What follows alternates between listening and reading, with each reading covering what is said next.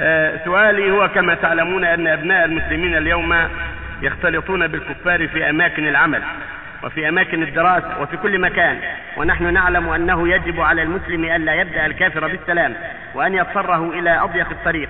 إلا أن هناك بعض الجهلة تجدهم يسارعون بالسلام على الكفار والضحك معهم وتناول الطعام على مائدتهم بل إن هناك من يخاطب الكفار بقوله يا أخي وعندما نقول لهؤلاء إنه من الواجب عليهم أن يبغضوا أن نبغض هؤلاء الكفار ونبتعد عنهم يحتجون بقولهم إن الإسلام دين لين أو دين لين وسماحة ويقولون نحن نريد أن نبين الكفار السماحة الإسلامية حتى يدخلوا في الإسلام.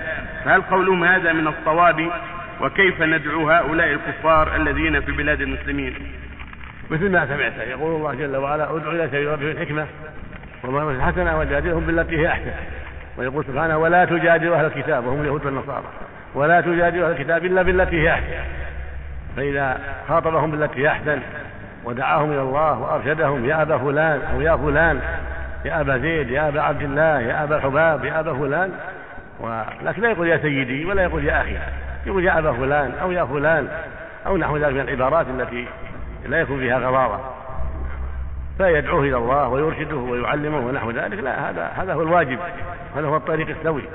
النبي قال صلى الله عليه وسلم لسعد بن عبادة لما زاره يعود في مرضه وكان عبد الله بن أبي قد تكلم بكلام قبيح على النبي صلى الله عليه وسلم ولما لما ارشدهم لما مر على جماعة وفيهم عبد الله بن أبي وأرشدهم النبي صلى الله عليه وسلم ودعاهم إلى الله وتلا عليهم القرآن قام عبد الله بن أبي وتكلم وخمر وجهه قال لا تغبروا علينا لما وجد غبار الدابة وقال يا فلان ما احسن لا أحسن ما تقول فإن كان حقا فلا تخشنا في محلاتنا واجلس في بيتك حتى ياتي من تقص عليه فقام بعض الصحابة وقال لا يا رسول الله بل ارشنا به في محلاتنا وادعنا فإنا نحب أن نسمع منك.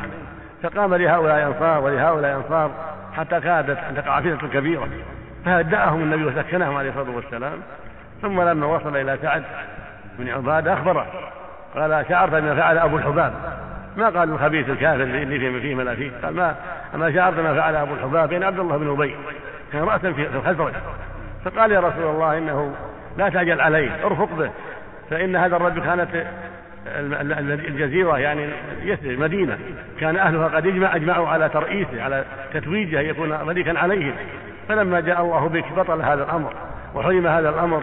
فلهذا شرق بالدعوة وعظم عليه الأمر وأبغض هذه الدعوة بسبب ما فاته من الرياسة فرفق به النبي صلى الله عليه وسلم ولم يقل يا اللي فيه ما فيه الخبيث بل قال أبو الحباب ما فعل أبو الحباب ولم يجعل خطبه حتى مات على نفاقه. نسأل الله